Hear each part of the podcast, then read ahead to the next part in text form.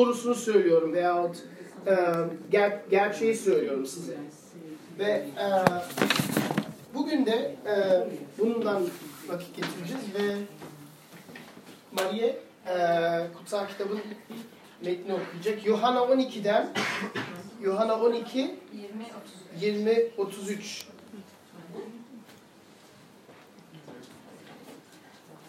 Bayramda tapılmak üzere Yeruşalim'e giden, gidenler arasında bazı Grekler vardı.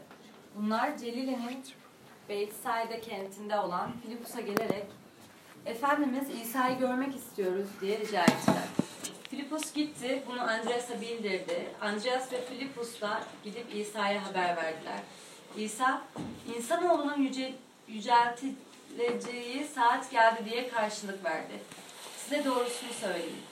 Buğday tanesi toprağa düşüp ölmedikçe yalnız kalır. Ama ölürse çok ürün verir. Canını seven onu yitirir. Ama bu dünyada canını gözden çıkaran onu sonsuz yaşam için koruyacaktır. Bana hizmet etmek isteyen ardından gelsin. Ben neredeysem bana hizmet eden de orada olacak. Baba bana hizmet edeni onurlandıracaktır. Şimdi yüreğim sıkılıyor ne diyeyim.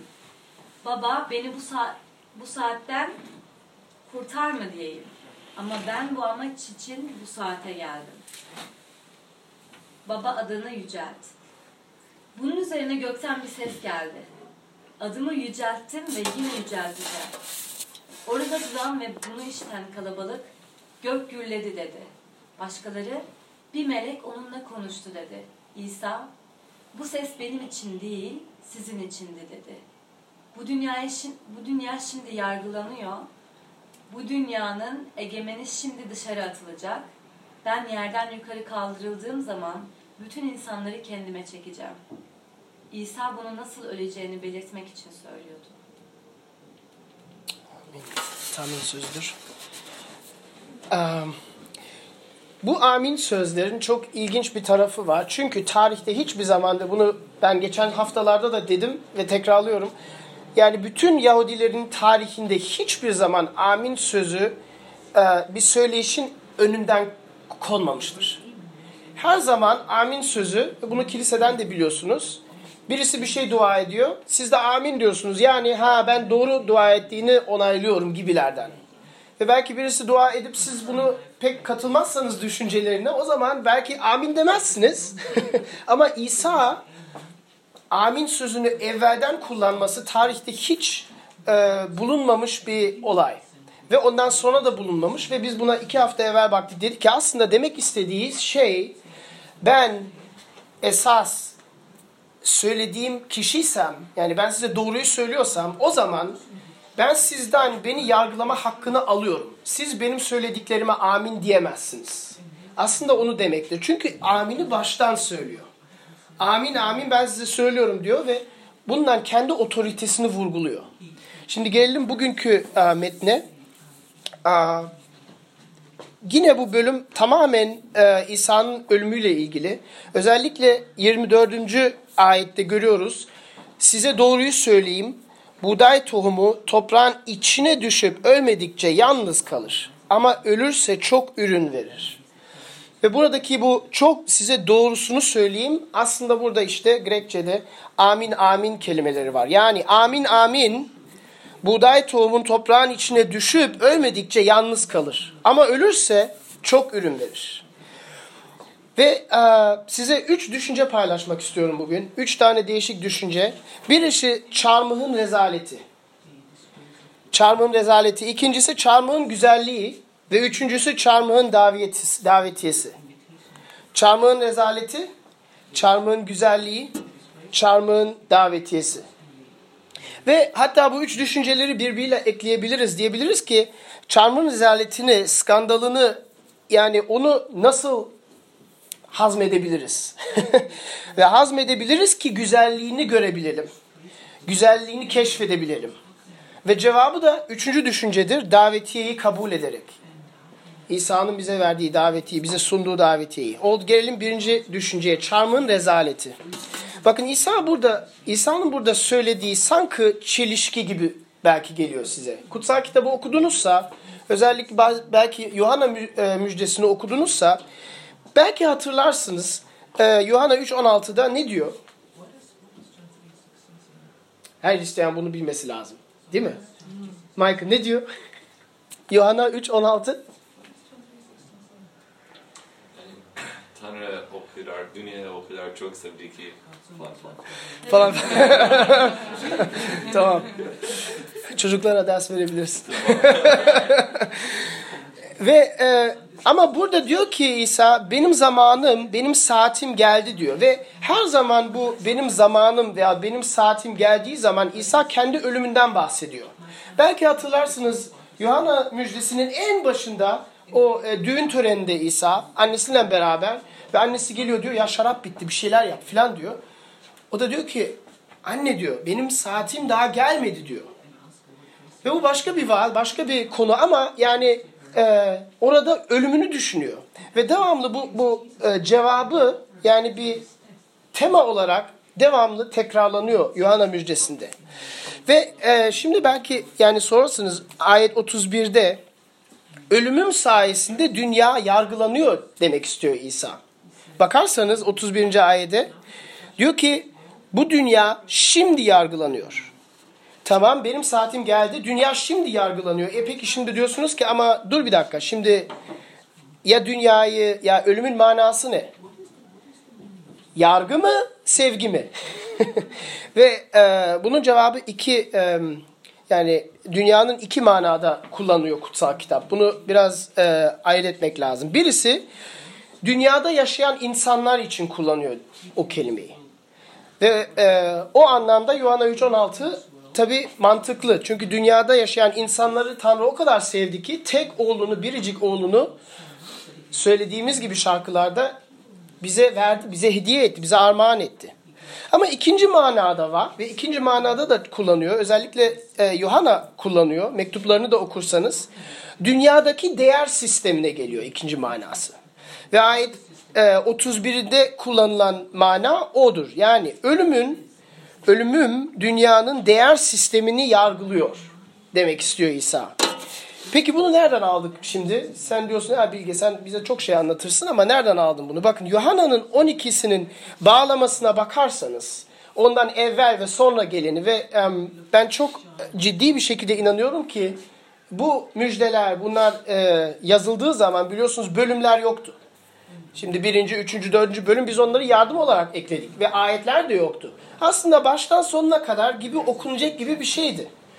Biz böyle ha bir 11. bölüm, 12. bölüm deyince manasını kaybediyoruz, bağlantıyı kaybediyoruz. Ama hepsini baştan sonuna okusanız o zaman farkına varacaksınız ki 12'nin 12 bölümün 12 bölüm dediğimiz şeyin bağlaması İsa'nın kendi ölüm üzere konuşup patlamasını ne tıklıyor? Yani birdenbire ölümünden bahsetmeye başlıyor. Neden? Neden birdenbire yani ne oldu? İnsan biraz şaşıyor değil mi? Bakın çok ilginç. Ee, e, bölümün başında okuduk. Yunanlılar seni görmek istiyor dediler. Onun öğrencileri geldi dedi. Yunanlılar geldi dedi. Yunanlılar geldi. İşgal. Ee, seni görmek istiyorlar dedi. Ve İsa birdenbire cevap olarak yani 22. ayette Yunanlılar geliyor. 23. ayette İsa diyor ki ölme zamanım geldi diyor. Peki Yuhanna'yı baştan sona okursak görüyoruz ki evvelki olay 11. bölüm dediğimiz yerdeki olay Lazarus'u ölümden dirilttiği zaman İsa kendi halkı ne yapıyor? Kendi halkı ne yapıyor? Nasıl tepki gösteriyor? İsa bu Lazarus'u ölümden diriltiyor ve herkes seviniyor ama kendi halkı ne yapıyor? Dindar kişiler ne yapıyor? Diyor ki bu adamı bu adamı artık öldürmemiz lazım diyor. Artık zaman bu, bu artık bunu çekemeyiz artık diyor. Ya böyle devam ederse Böyle devam ederse bizim bütün otorimize çalacak. Herkes onun peşinden gidecek diyor. Ve bunun buna bakarsanız tamamen mantıklı bir şekilde e, bu ölümden bahsetmesi 12. bölümden. Ve peki bu İsa'ya gelen kimlerdir acaba? Kimler? Şimdi Yunanlılar dedik ama bakın o zaman da özellikle İsrail halkı Yunanlar deyince bunlar ya affedersiniz ama pis gavurlar. Yani bize ait olmayanlar. Ahlaksız insanlar. Adaletsiz insanlar. Yani biz buradayız onlar burada. Biz buradayız onlar burada. Peki bunlar geldi ve öğrenciler biraz şaşıyor ya e, Rabbi ya ne yapalım şimdi bu Yunanlılar geldi. e, ama onlar gelmesi onlar yasak gelemez. Bakın Yunanlılar geldi ne demek? Bakın anlatayım. Biz baktık. Biz Fısıh bayram zamanındayız. Geçen hafta da ona baktık. Fısıh manasına baktık. Fısıh bayramı zamanında bu Yunanlıların e, Kudüs'e gelmesi ne manasına geliyor biliyor musun? Bu Yunanlılar gerçekten araştıran ve soruşturan insanlar. Gerçekten ya bir ruhsal arayışta bulunan insanlar. Yani bir bu Tanrı'yı arıyorlar. Ama Kudüs'e gelince karşılarına ne geliyor? Şimdi Yunanistan'dan geldiler Kudüs'e. Tanrı'yı arıyorlar. Bir şeyler duymuşlar. Belki İsa'dan bir şeyler duymuşlar. Belki söz yağılmış. Geliyorlar ne buluyorlar? Hiç gittiniz mi Kudüs'e? Kim gitti Kudüs'e? Ben gitmedim ama okudum kitaplarda. Ne, ne mutlu sana. ne buluyorlar Kudüs'e gidince? Ne buluyorlar? Ne buluyorlar? Duvar. A city wall. Oh, okay. Sadece duvar, şehir duvarı değil. Tapınağı koruyan duvar. Yunanlılar gidiyor araştırmak için, bir şey bulmak için ama Kudüs'e varınca ne buluyorlar? Duvar buluyorlar. Yahudiler bu duvarı geçerek iç avluya ve oradaki bulunan tapınağa doğru devam edebiliyorlardı. Bakın bunu kitaplarda bulabilirsiniz. Ama duvar geçidi üzerinde uyarılar yazılmıştı. Bu uyarılar ne yazıyordu? Gav- Gavurlar gidemez. Yasak. Yasak. Bu duvardan itibaren gavurlara giriş yasak. Çok üzücü. Çok üzücü. Yahudi olmayanlara geçiş yasak. Devam edene ölüm cezası var. Hatta onu yazıyorlar bile. Ölüm cezası var. Çünkü bu bir kutsal bir yer. Bakın çok ilginç. Yunanlılara geçiş izni yoktu. Yunanlılar dışarı kalmaya, dışarıda kalmaya mecburiyetindelerdi. Ve hem manevi hem ahlaki hem ırki yönden dışlanmış durumdalardı. Ve İsa çok ilginç bakın bu çok ilginç. İsa Yahudilerin kendisini öldürmek istedikleri ve Yunanlılar oraya aramaya geldiklerini görünce ahlaki ve dindar insanlar onu reddettiklerini ve gavurlar onu kabul etmeye geldiğini görünce işte ölüm zamanım geldi diyor. İşim bitti. Artık ölüm zamanı geldi. Çok ilginç. Çok şaşırtıcı. Bilmiyorum bunun farkına vardınız. Bakın çarmıh dünyanın düşünüş tarzını, değerlerini, epistemolojisini yargılamaya geldi. Yargılamakla meşgul. Başka bir şeyle meşgul değil. Ne demek istiyorum? Bakın dünyanın her kültürü, istediğiniz kültürüne bakın. Gidin Çin'e gidin. Ee, Singapur'a gidin. Avrupa'ya gidin. istediğiniz yere gidin. Bütün dünya kültürlerinin, bütün din, dinlerin, dünya dinlerin, bütün dinler hiç fark etmez. Hepsi şunu der. Bakın der ki ganimet güçlere düşer. Bu sözü kim biliyor? Ben biraz eski Türkçe kullanıyorum. Ganimet güçlere gider. Yani bu dünyada bir şey elde etmek istiyorsan güç güç sahibi olman lazım. Yoksa ezilirsin. Zayıfsan ezilirsin. Güç yani güç güçlü olman lazım. Her zaman güçlüler kazanır. Bunu kim duydu? Sizlerden büyürken bak sakın ezilmiş bir çocuk olma lütfen. Ya sana nasihat veriyorum. Git okullarını iyi bitir. Üniversitelere yazıl. Bilgi sahibi ol. iyi bir iş sahibi ol. Kariyer yap ki ezilme. Ezilme. Çünkü dünya güçlülerindir. Dünya güçlerindir. Ama bakın Çarmıh ne diyor? Tam tersini yapıyor. Her şeyi alt üst ediyor. Çarmıh diyor ki askeri, siyasi, finansal gücü olmayan bir adam dünyayı değiştirdi diyor. Bulabildiği tek öğrencileri okuma yazma bilmeyen öğrencileriydi. Balıkçı adamlardı. Paulus'tan bahsetmiyorum. O sonra geldi. Şu 12 öğrenciye bakın. Hiçbirisi üniversiteye gitmemiş. Yazma yani Petrus mu yazdı mektupları? Hayır. Yanına yanında giden adam yazdı. Ya İsa aptalları seçti. Zayıf insanları seçti. bilgin insanları seçmedi. Ve bu çarmıhın asıl manasıdır. Bu adama baktığımızda çok acayip bir şey görüyoruz İsa'ya baktığımızda. Bulabildiği tek öğrencileri okuma yazma bilmeyen köylülerdi. Ve sadece o değil 33 yaşına varınca İsa idam edildi. Biliyoruz. Öldüğü zaman hem parasızdı hem hiçbir şey kalmamış. Tek bir cübbesi vardı ve onu da e, kura çekip elinden aldılar. Adam çıplak öldü.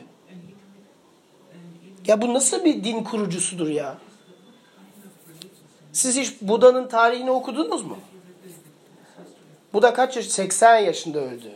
Zengin, sevilmiş, öğrenciler etrafında. Muhammed aynı. Zaferli, dolu yaşam yaşadıktan sonra öldü. İsa bu, bu nasıl bir rezalet? Çok büyük bir skandal. Ve bakın yaşam sonunda sadece arkadaş, arkadaşlarından, dostlarından, öğrencilerinden değil, hizmet ettiği Tanrı'dan da terk edilmiş bir durumda buldu İsa. Her şeyi kaybetti. Hiçlikle öldü. Hiçlikle, boşlukla terk edilmiş bir şekilde öldü. Ve bakın buna rağmen değil, bundan dolayı zayıf, fakir, savunmasız olduğundan dolayı insan tarihin en etkili, en önemli, en nüfuzlu adamı oldu. Çarmıh bize bunu anlatıyor. Peki biraz sizlerden bahsedelim. Siz önce benden bahsedeyim. Bakın ben büyürken Almanya'da doğdum, büyüdüm ve Almanya'da çok büyük ırkçılık sorunu vardı. En azından benim okulumda vardı. Her yerde öyle olması lazım değil. Ben tek Türk olarak çok büyük sorunlar yaşadım. Ve annemler hep dedi ki sen bu Almanlardan daha iyi olmazsan ezilirsin. Sen bu Almanlardan daha da iyi, daha akıllı, daha daha başarılı olman lazım. Baskı, baskı, baskı, baskı. Benim bütün yani güzel, yanlış anlamayın çocukluğum çok iyiydi. Annemler de bunu iyi niyetli yaptılar. Çünkü kendi yaşadıklarını gördüler. Kendi yaşadıklarını gördüler ve benim için benim onun yaşamasını istemediler benim onu, onları yaşamamı. Sizler sizler nasıl? Siz de öyle mi? Ezilmeyin, aman ezilmeyin. Üniversiteye gidin, iyi bir e, iyi bir e, bilgi sahip olun. Hepimiz aynı düşünceye sayılıyoruz. Yani bütün kültüre, bütün dinlerde aynı düşünce var. Aman Boğaziçi Üniversitesi'ne yazıl, yazıl, para kazan, güçlü insanları tanı. Bu dünyada bir iz bırakma. İz bırak. Tek yolu böyledir. Ama çarmıh öyle değil. Çarmıh önemsizliğe yolculuğu yaşam temeli olarak gösteriyor. Önemsizliğe bir yolculuk. İsa'nın öğrencisi kim olmak istiyor? Önemsizliğe bir yolculuk. Kim? Kim? Zor. Bakın çarmıh aslında biz burada içeride oturuyoruz bu pencereler var. Sanki dışarıdan bir taş gelip bu pencereyi çatlatıp içine atıyor gibi. Çarmıh dünyanın değer sistemini öyle şekilde yargılıyor ki sanki dışarıdan taşı çatlatan bir taş içeri uçuyor gibi çatlatıyor. Çarpıp içerisine girer. Dünyanın tüm düşüncelerine karşı çıkar. Hepsini yargılar. Tüm insan görüşlerini alt üst eder. Ve Paulus bunu biliyor ve yazıyor. 1. Korintlilerde 1. bölümde bakın ne diyor. Çarmıhla ilgili bildiri mahva gidenler için saçmalık. Saçmalık. Rezalet. Saçmalık. Çarmıh bir saçmalık. Hani nerede bilgin kişi? Nerede akademisyen? Nerede bu çağın felsefecisi? Tanrı çarmıhla dünya bilgeliğinin saçma olduğunu göstermedi mi? Çünkü Tanrı'nın saçmalığı insan bilgeliğinden daha üstündür. Farkında mısınız? Her şeyi alt üst ediyor. Tanrı'nın zayıflığı insan gücünden de daha güçlüdür. Ve Paulus bunu çok iyi anladı. Güçlü olmanın yolu güçten düşmektir. Ve bunu Tanrı bize gösteriyor. Kendi örneğinle gösteriyor. Bütün kutsal kitabın manası bu. Baştan sonuna kadar. Ve bakın size tarihten bir örnek vereyim. Siz diyorsunuz e peki biz önemsizliğe doğru gidiyorsak ya Tanrı bizi yani dünyayı değiştirmeye çağırmadı mı? Çağırdı. Ama önemsiz olarak çağırdı. Bakın bu dünyanın sistemi şöyle. Güç isteyen gücü bırakması lazım. Ve size tarihten bir örnek vereyim. Fazla zaman burada kalmak istemiyorum ama 2. 3. yüzyılda tarih e, tarih kitaplarını okursanız bulursunuz Roma İmparatorluğu'nda çok çok felaketler şehirlere bulaştı. Şehirlere bulaştı insanlar sinekler gibi öldüler. Biliyoruz hastalıklar birdenbire geldi. Özellikle şehirleri felaket felaket altında bıraktı. Ve bulaşma tehlikesi çok büyüktü. Peki insanlar ne yaptılar? Alıp başını kaçtılar. Alıp başını kaçtılar. Çünkü korktular. Bize de bulaşacak. Biz de öleceğiz. Ee, belki yani anne babası yaşlıydı. Hiçbirini alıp bırak, bıraktılar gittiler. Alamadılar. Bütün şehirler bomboştu. Sadece hastayla doluydu. Bir grup hariç. Bir grup hariç. Hristiyanlar ne yaptı? Hristiyanlar şehirlerde kaldılar. Şehirlerde kaldılar, herkese yardım ettiler. Kendi ailelerine değil, düşmanlarına yardım ettiler. Ve sinek gibi öldüler. Ama bu felaketten sonra ne oldu biliyor musunuz? Kiliseler doldu. Kiliseler doldu. Çünkü bu dünyada iz bırakmak istiyorsanız İsa bizi bunu anlatmaya çalışıyor. O zaman öyle olmanız lazım. Dünyayı alt üst etmeniz lazım. Dünyanın değer sistemini yargılamanız lazım. Tamam. Gelelim ikinci düşünceye. Çarmıhın güzelliği. İsa'nın ikinci olarak gösterdiği mantıklı olmayacak size. Bakın açıkça söylüyorum. Çünkü e, önce üçüncü noktaya gelince ancak üçüncü noktaya, üçüncü düşünceye gelince ikinci nokta belki biraz mantıklı olur, çözülür ama e, yine de kısaca e, bahsetmek istiyorum. Sadece çarmıhın rezaleti ve skandalı, çirkin, saldırgan yönünü anlamanız yeterli değil. Görmeniz gereken ikinci şey şudur ve İsa bunu gösteriyor. Çarmıh tamamen çekici ve güzel bir şeydir. Bakın 32. ayetten 30, 33. ayete gidince çok ilginç bir şey görüyorsunuz. Bakın 32. ayette diyor ki bulabilsem ben yerden yukarı yükseldiğim zaman bütün insanları kendime çekeceğim. Siz şimdi bakın bir farz edin 33. ayet olmuyor. 30. ayette diyor ki İsa bunu nasıl öleceğini belirtmek için söyledi. Şimdi siz sadece bunu okuyun. Ben yükseltildiğim zaman kulağınızda nasıl geliyor? Yükseltildiğim zaman nasıl geliyor? Bakın 30. ayet olmasa hiç kimse anlamaz İsa ölümden bahsettiğini. Çünkü yükseltildiğim zaman zafer gibi duyuluyor değil mi? Benim kulağımda mı sadece öyle geliyor? Yani yükseltilmek güzel bir şey değil mi? Ama e, nasıl öleceğini anlatmak için diyordu. Ve as aslında İsa burada çok ironik. Bakın çarmıhta kaldırıldığın zaman halka açık gösteri olarak kaldırılıyorsun. O zamanlar Romalılar insanı alçaklamanın en en başarılı yolu çarmıha gerilmekti.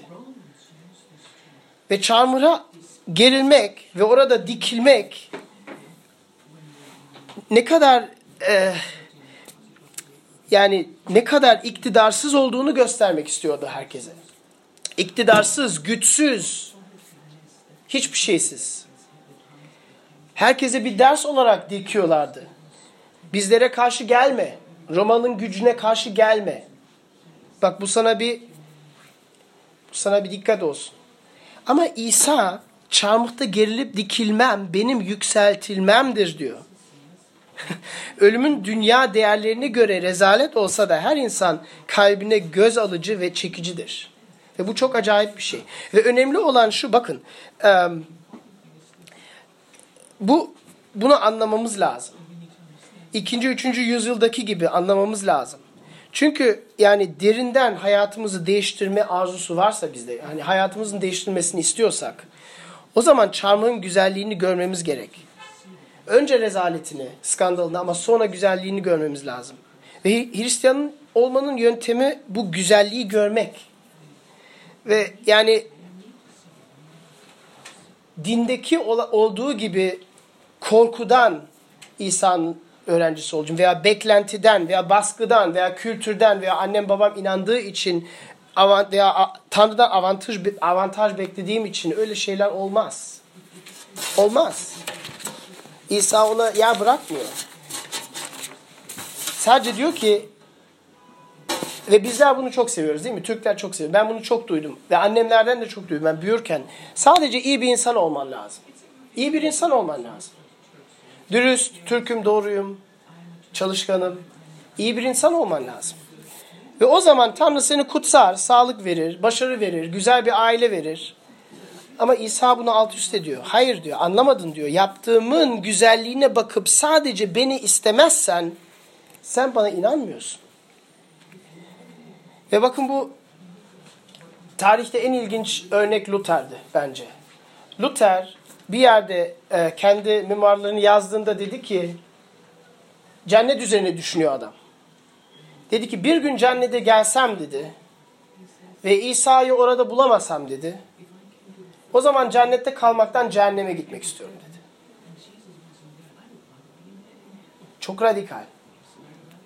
Ama ne demek istedi? Dedi ki ya ben cennete orada yemekler olsun, hanımlar olsun, eğlence olsun diye değil. Ben cennete İsa'yı görmeye gidiyorum dedi. Ve oraya gidip İsa'yı göremezsem cehenneme gitmem daha iyi dedi. Tamam, tam İsa'nın söylediğini anladı. Çünkü İsa diyor ki benim yaptığımı, beni güzel bulmazsanız pek anlamadınız benim neden geldiğimi.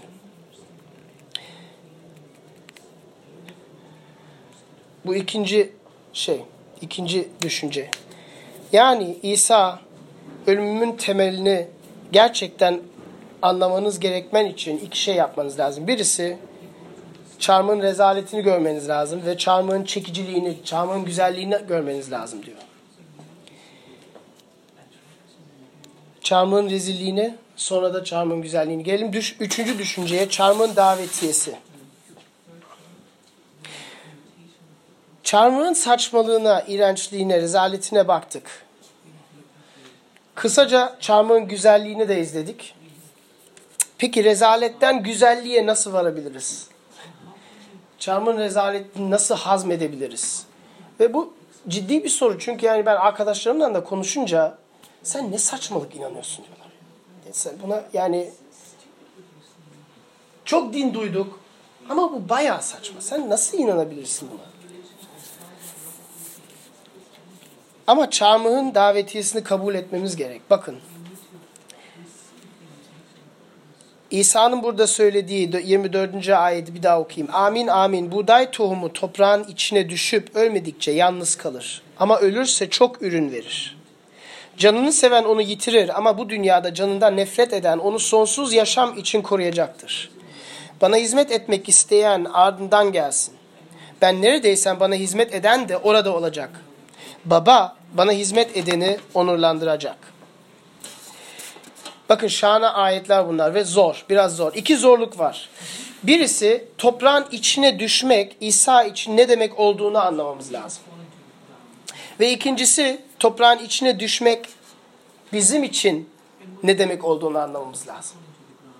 Çünkü burada bir e, yani yüzde yüz açıklamıyor İsa. Kendinden mi bahsediyor, bizden mi bahsediyor? Ve e, e, bilerek bunu bırakıyor. Yani bilerek iki anlamlı bir yer. E, tamam ilk olarak İsa'ya bakalım. Bakın o benzet hangi benzetmeyi kullanıyor? Buğday tohumu diyor değil mi? Buğday tohumu. Tamam. Harfi harfine doğru. Bakın söylediği çok doğru. Nasıl oluyor? Yani siz e, bir buğday tohumunu koysanız na, nereye koyuyorsunuz? İçine gömüyorsunuz değil mi? Yani toprak üstü de, de tam doğru değil. Grekçe'de içine manasına geliyor. Toprağın içine girmesi lazım tohum. Ve tohum ölmesi lazım. Değil mi? Yani bir şey büyümesi için tohumun ölmesi lazım. Ve yoksa yalnız kalır. Yoksa sadece bir tohum. Yani başka bir şey yok. İsa burada diyor ki tohum benim diyor. Ve ölmeseydim yalnız kalacaktım diyor. Tanrı'nın tek çocuğu olacaktım diyor. Baba Tanrı'ya yakından, Baba Tanrı'yı yakından tanıyan, ona yaklaşabilen, onun huzurunda olup tadını çıkartan tek, ben olacaktım. Ama öldüm ve ondan onu tanıyan çok insan var diyor. Çok insan olacak diyor. Şu sorum olacak bakın size. İsa ölümden neden rahatsız? Bakın bunu okuduk. Şimdi yüreğim sıkılıyor ne diyeyim diyor 27. ayette. Bu sadece güzel değil mi ya? Retorik mi yani? Ve neden soruyorum bakın çünkü ya tarihte çok ölen insan var. Yani sadece filmlerde değil. Yani Gladiator film mesela şu Amerikan hangisidir? Ee, Russell Crowe mu oynamıştı? O da ölümle karşılaşıyor. Eh böyle. Ne oluyor? Eh gel ölüm. Sorun yok. Ben gladyatörüm. Ve sadece filmlerde değil gerçek yaşamda da çok okuyoruz. Yani ölümden korkmayan çok insan var. Neden İsa bu kadar rahatsızlanıyor? Bakın en son sözlerinden birisi Tanrım Tanrım beni neden terk ettin sözü. Ve bu buradan bir cevaplama veriyor. İsa sadece ölüm ve işkence yaşamadı. Sadece ölüm ve işkence yaşamadı. Sadece o vücudu kırmakla acıları yaşamadı. İsa en kötü şeyi tattı. Herkesten terk edilmeyi. İsa Tanrı'dan, Baba Tanrısından terk edilmeyi yaşadı. Ve Baba Tanrı'dan terk edilmeyi bakın bu çok bakın bir gözlerinizi kapatın. En çok sevdiğiniz insanı düşünün. En çok sevdiğiniz insanı düşünün. E şimdi düşünün bu en çok sevdiğiniz insan sizden yüzde yüz nefret ediyor. Sizden hiçbir şey bilmek istemiyor artık. Size dönüyor ve bir daha sizden konuşmuyor. Bakın işte tanıdığınız, tanıdık bir adam değil. Ee, sokakta belki merhaba dediğiniz birisi değil. Size küfür eden birisi değil. En yakın insanınız, en yakın aileniz, dostunuz, eşiniz. Ne kadar acıyor değil mi? Çünkü ne kadar ne kadar e, yakın bir, birisi bize söyler ya yani kötü bir şey söylerse o kadar acı çekeriz. Peki İsa ve baba sonsuzluktan beri hep beraberlerdi. Siz en çok sevdiğiniz insanı düşünüyorsunuz ama İsa ve baba Tanrı her zaman beraberdi. Ayrılmaz bir beraberlik yaşadılar. Ve burada çarmıha gelince sadece ölüm değil, sadece işkence değil, sadece herkese rezil edilmek değil, sadece gösteri olmak değil, açık, açık meydana gösteri olmak değil. Baba Tanrı onu terk ediyor. En kötü, en kötü yaşayabileceği acıyı çekiyor İsa. Bakın ben size bir şey anlatayım. Yaşamın en kötü anlarından birisini paylaşacağım. Biz Hamburg'daydık. Noe zamanıydı. Ben Leyla'yı omuzlarıma almıştım. Leyla'yı omuzlarıma almıştım. Bir e, Noe pazarlarında geziyorduk. Bir şeyler alıyorduk. İşte geceydi, akşamdı. Hey hey, hoş hoş, güzel, eğlence. Leyla bebekti yani. Bir, bir yaşında, iki yaşında filandı. Ve fark etmeden benim beni tutacak yani omuzlarımda beni tutuyor. Parmacıklarını gözümün içine koymaya başladı. Birdenbire hiç yani böyle şey yok. Ve gözlerime bastırmaya başladı parmaklarını. Ben de yani ne yapacağım tutuyorum kızı. Böyle gözlerime basıyor ve acıyor. Şimdi ne yapacağım? Ellerimi aldım ki onların elini çıkartacağım. Toparlandım ve düştüm ve kızımı düşürdüm. Tutamadım. Bakın baba olarak bu çok çok acı bir şey. Kızımı tutamadım yere düştü. Taşlara düştü. Eşimin ödü koptu. Hastane etraftaki adamlar geldi. Ya bu nasıl bir baba ya? Ne yapıyorsun sen? Hasta arabasını çağıralım. Ya kızına bakamıyor musun? Çok kötü bir an yaşadım. Çok üzüldüm. Baktım ne oldu? Bir şey olmadı. Allah'tan bir şey olmamıştı. Çok ek, soğuktu o zaman. Eksi 18 derece falan. Çok kalın giydirmiştik. Ama yine de ödüm koptu. Babanı baba olarak çocuğunu tutamaman, düşürmen çok ciddi bir şey, acı bir şey. Ve bakın İsa çarmıhta Tanrım Tanrım beni neden terk ettin deme manası aynı manaya geliyor. Küçücük oğlunu, bir tanecik oğlunu tutamayıp düşürdü. Sırtını döndü.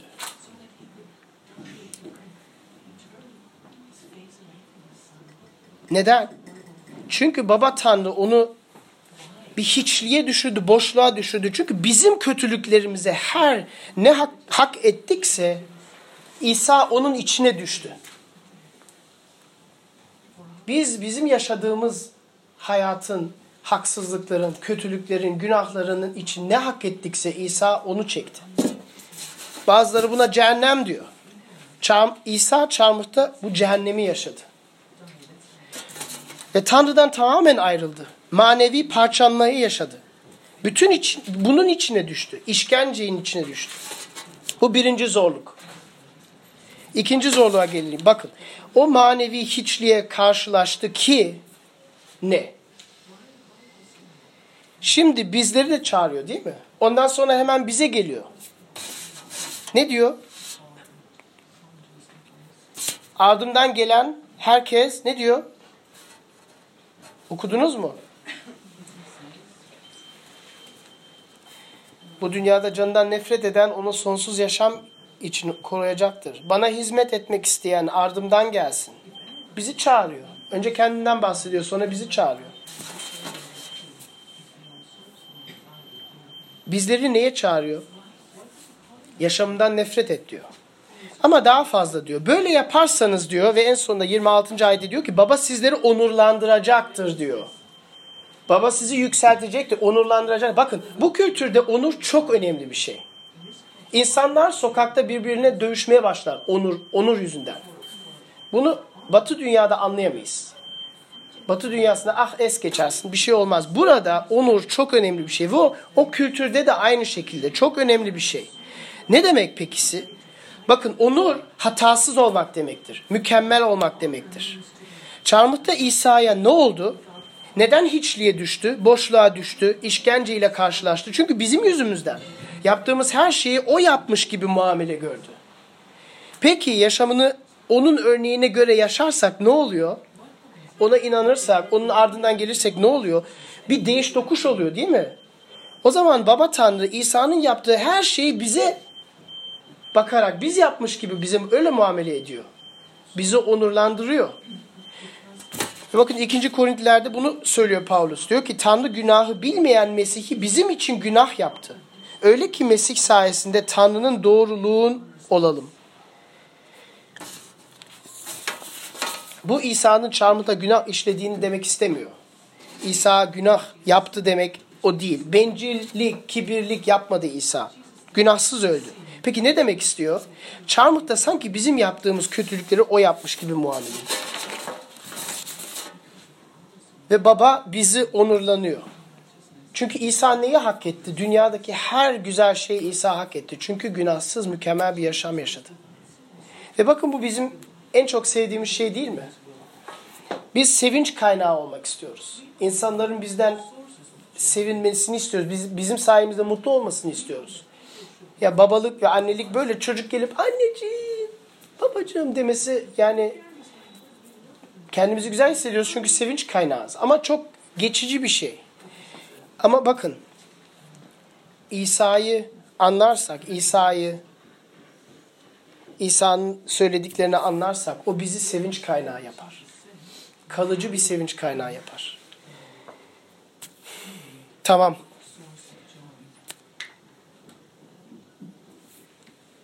Çarmıhın önemini görüyoruz ve Paskalya'ya devam ettikçe İsa'nın ölümünün önemini, değerini daha iyi anlıyoruz. İsa'nın çarmıhta ölmesi bize en kutsal Tanrı'yı veriyor. Çünkü çarmıh olmasa kutsal Tanrı'nın nasıl kutsal olduğunu anlayamayız ki. Çarmıhta İsa'nın ölmesi ne demektir? Demektir ki Tanrı o kadar kutsal ki küçücük günah olsa bile ona es geçemiyor. Es geçemiyor. Onu yargılaması lazım. Küçücük bir günahın sonucu ölümdür. Çarmıha alsanız en sonunda yani hiç din olsun, ateizm olsun, ne olursa olsun, sekülerizm, olsun, Marksizm olsun aslında hepsi aynı şey diyor. Diyor ki ben iyi bir insan olacağım diyor. Ve Tanrı varsa onun için yeterli. Ben iyi bir insan olacağım. Onun için yeterli. Ama kutsal kitap öyle bir şey demiyor. Diyor ki Tanrı o kadar kutsal ki diyor. Onun için yeterli değil diyor. Yeterli değil. Tek yeterli olan şey mükemmel olmanız. Mükemmel de olamayız. Ama İsa geldi. O yaşadı. Mükemmel oldu.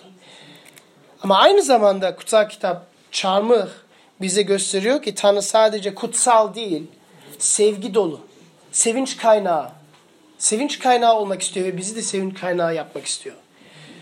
Çünkü gösteriyor ki kutsal, o kadar kutsal ki İsa gelip ölme mecburiyetinde kaldı.